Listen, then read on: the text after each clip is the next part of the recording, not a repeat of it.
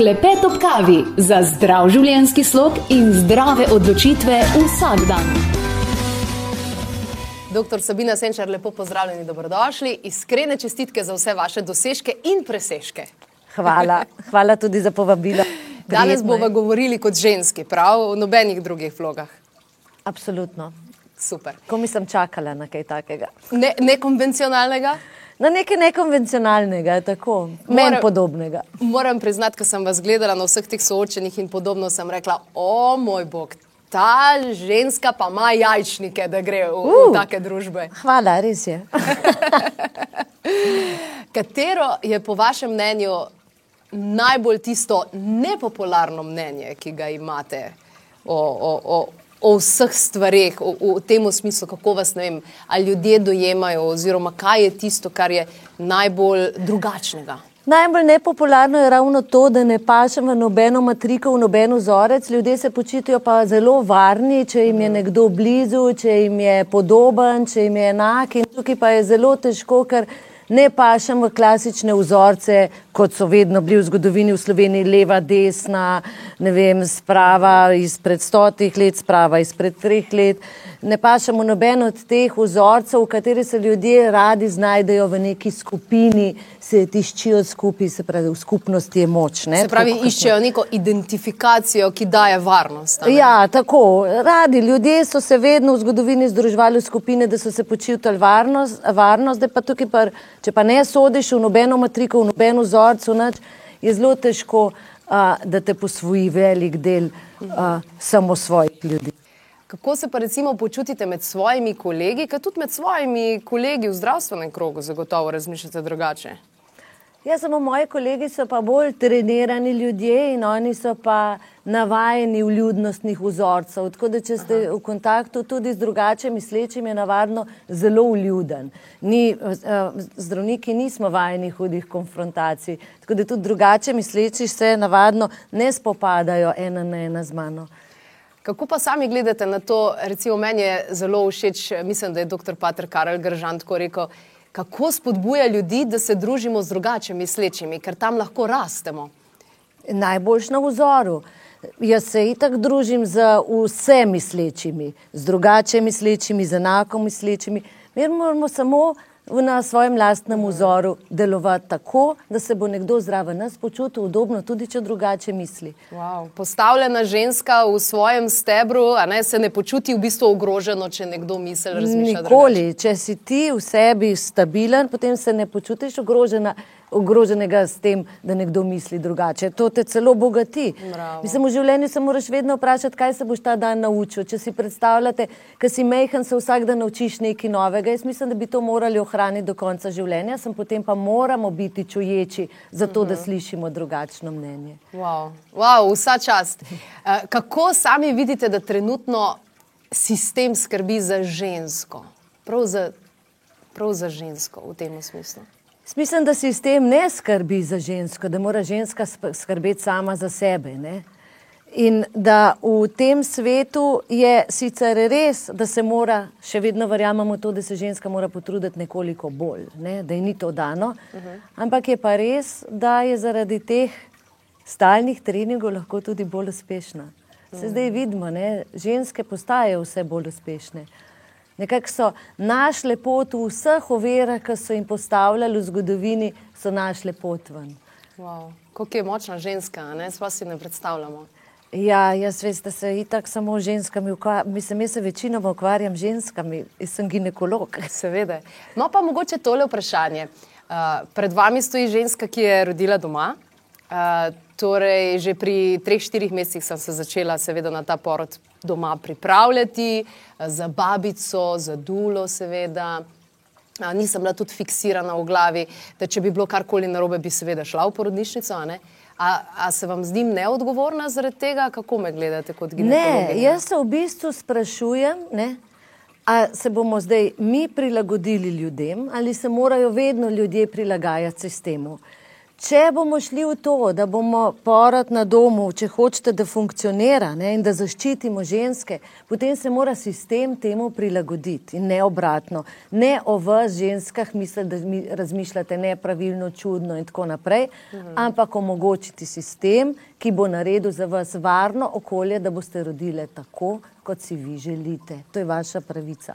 Je pa res, da pa zaenkrat nimamo sistema vzpostavljenega. Tako da me je včasih strah za ženske, ki se tako odločijo, zaradi tega, ker pač še vedno mislim v teh okvirih, kako vam bo bi lažje pomagali na hitrejši način. A veste, pri porodu je večinoma tako, da gre vse v redu in tam ni nobenih težav in tako moramo misliti na začetku. Ampak kadar pa gre kaj narobe, je pa to zelo hitro treba pomagati.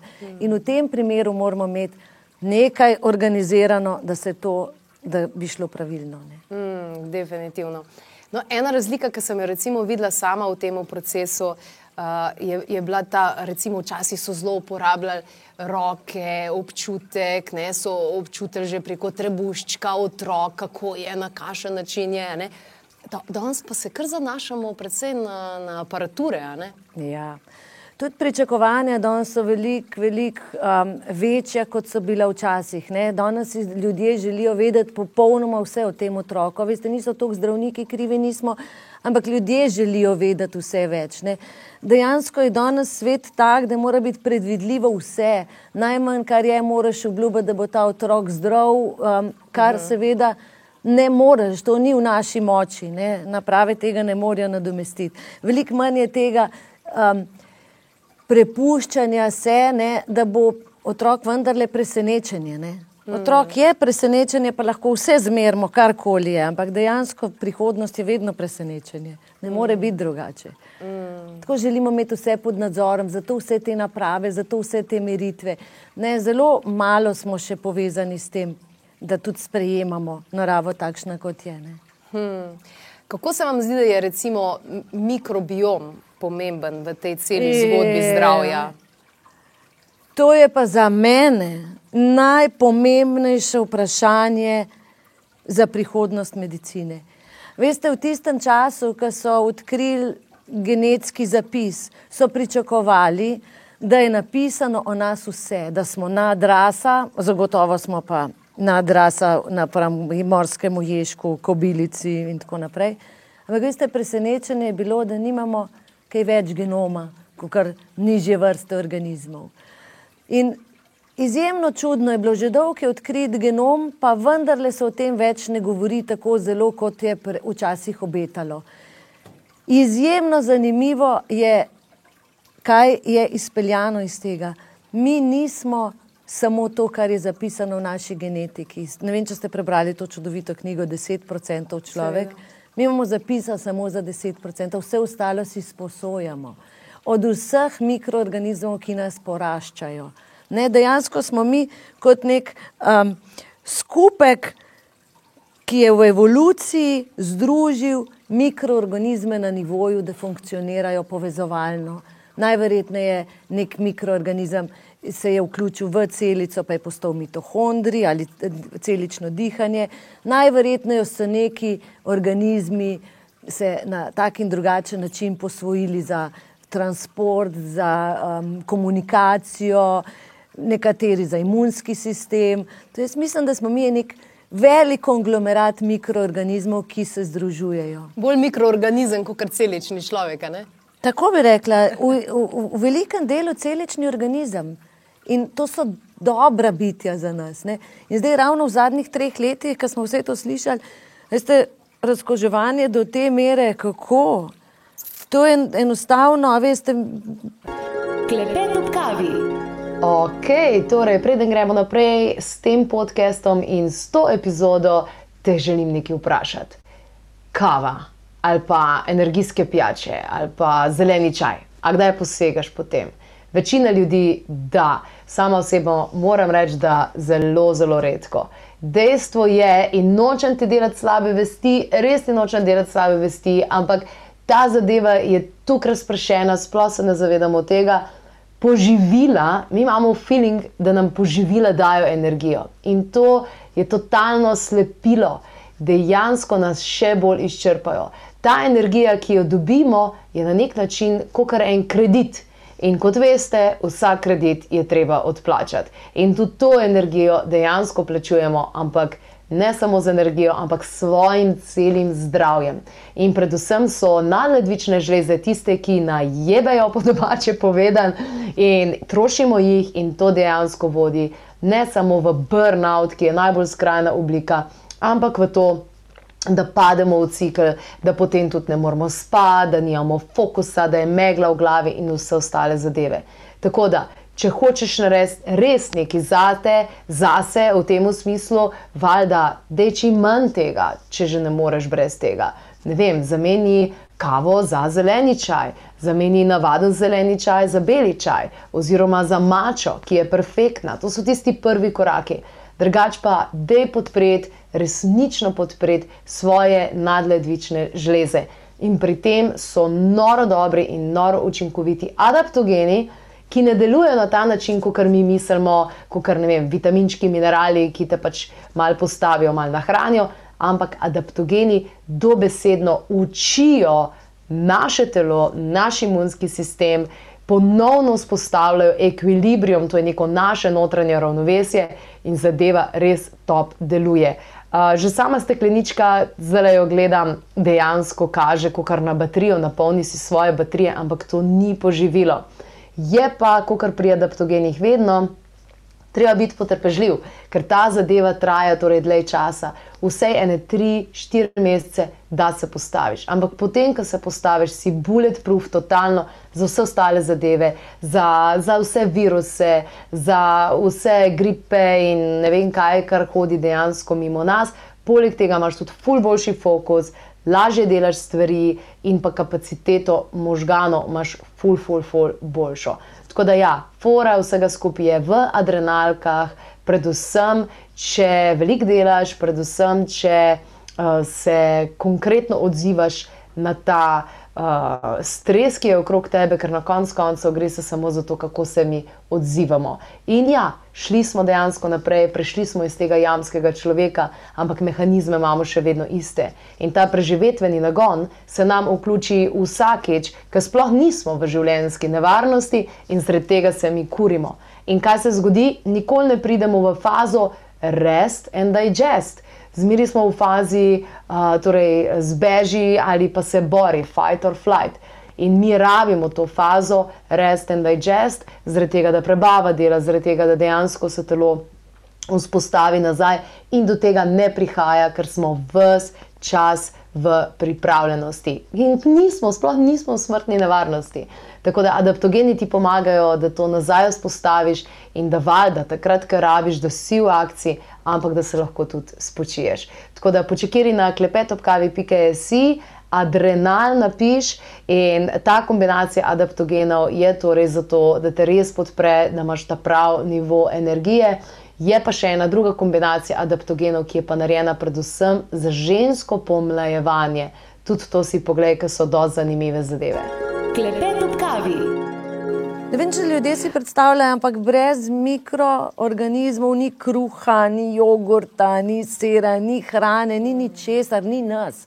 Nas dejansko poseljuje, ne vem, če res, dve kili bakterij v nožnici, ogromno število, 9 milijonov vrst organizmov, ampak večinoma so tukaj za našo zaščito. Rekla bi, da smo mi zaradi mikroorganizmov in ne oni zaradi nas. Hmm. Tako da je vojno napovedati mm. mikroorganizmom, zagotovo zgubimo. Zgubimo, ne? Zgubimo 100%.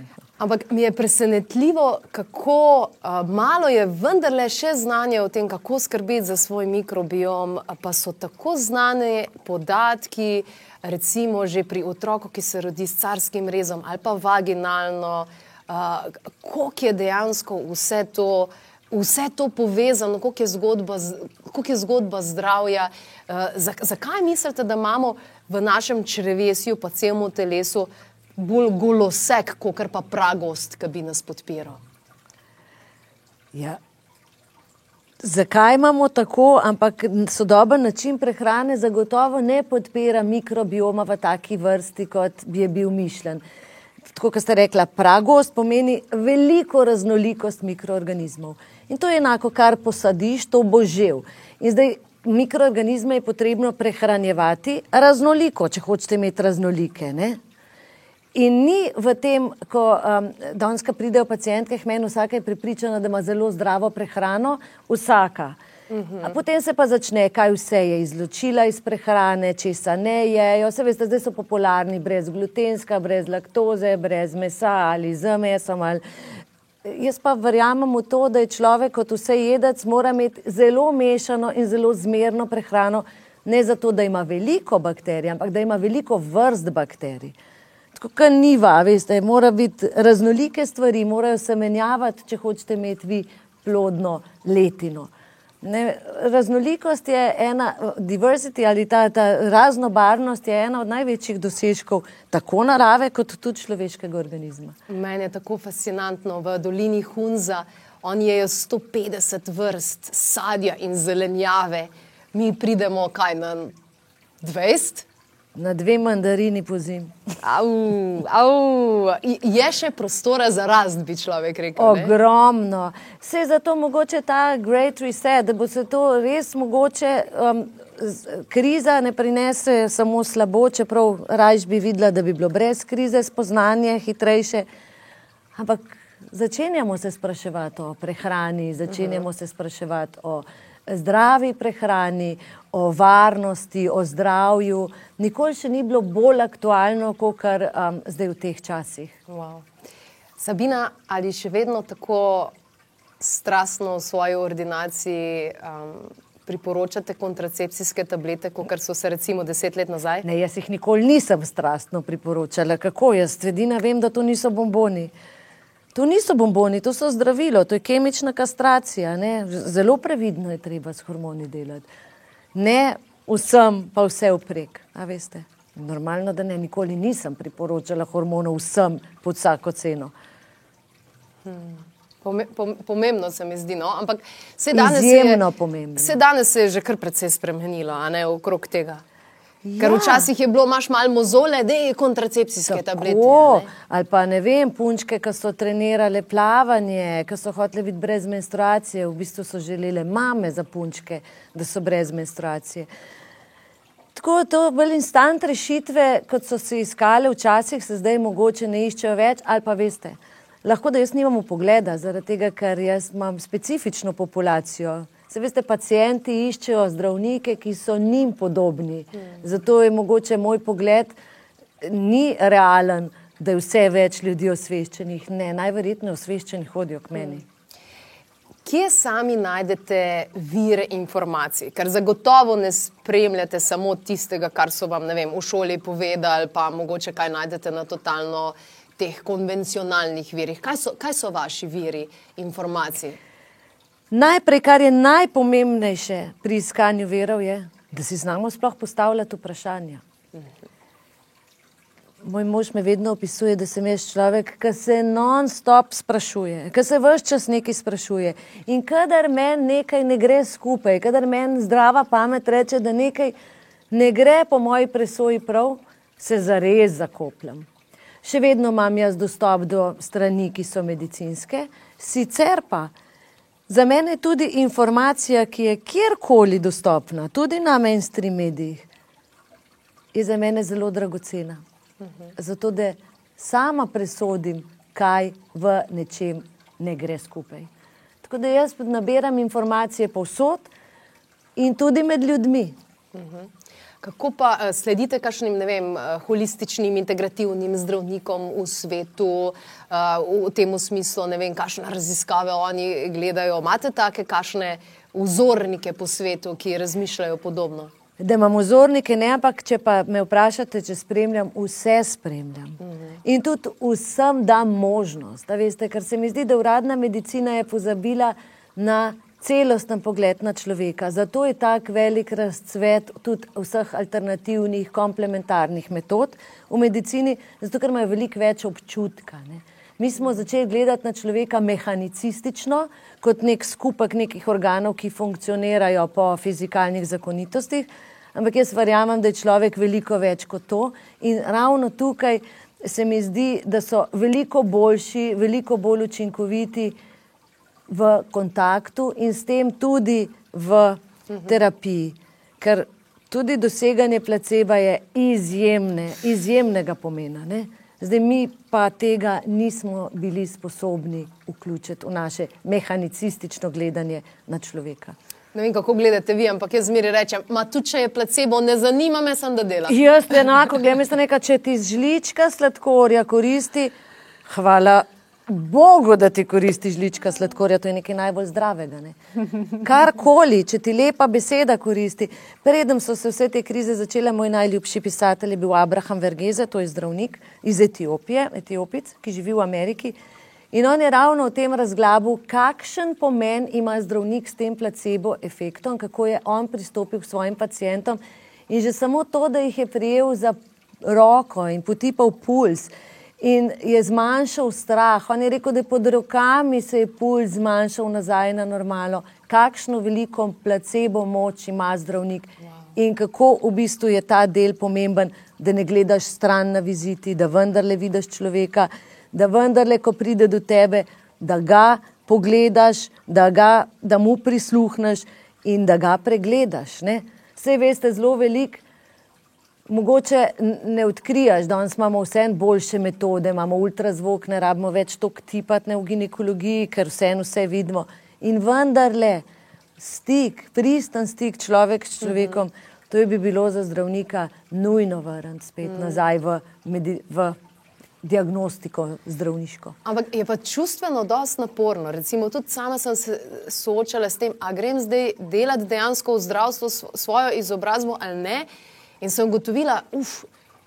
Glede na to, koliko časa imaš na voljo za eno osebo, uh, koliko bolj bi se, mislim, je zagotovo čustveno naporno. Ne? In pa se mi zdi, da zdravstveni delavci na eni točki postanejo apatični, ravno zaradi tega, ker je preveč vsega. A, a nosite pol vi te zgodbe tem... domov, kakšno tehniko imate, vem, da, se, da se čustveno na koncu koncev tudi sami sebe zaščitite? Jaz drugače gledam na svoj poklic kot najbolj zanimiv poklic na svetu. Tisti, ki radi berejo, me bojo razumeli. Vsaka knjiga je svoja zgodba in nič na svetu ni lepšega, kot poslušati zgodbe.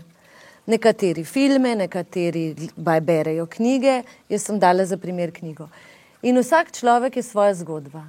A je na svetu kaj bolj zanimivega, kot biti udeležen, imeti ta privilegij, da si del neke zgodbe, s tem, ko bereš, s tem, ko gledaš, s tem, ko poslušaš.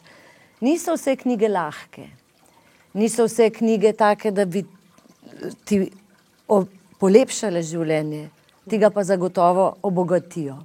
In vsaka zgodba je zato dana na meni v življenje, da se iz nje nekaj naučim. In tudi težke knjige so izjemno pomembne za človeško rast. In to je moj velik privilegij, da zvem in da me spustijo za en delček v to zgodbo. Najlepša hvala za vse te besede. Upam, da lahko postanem vaša pacijentka. hvala lepa in eh, veselim se opazovanja vsega, kar boste še kreirali, predvsem pa. Um, opazovanje tega dviga zavesti, ki ste ga svojo predsedniško kandidaturo zagotovo zaštartali in tako naredili. Hvala za vaš, hvala za podporo. Veliko hvala mi pomeni. Hvala.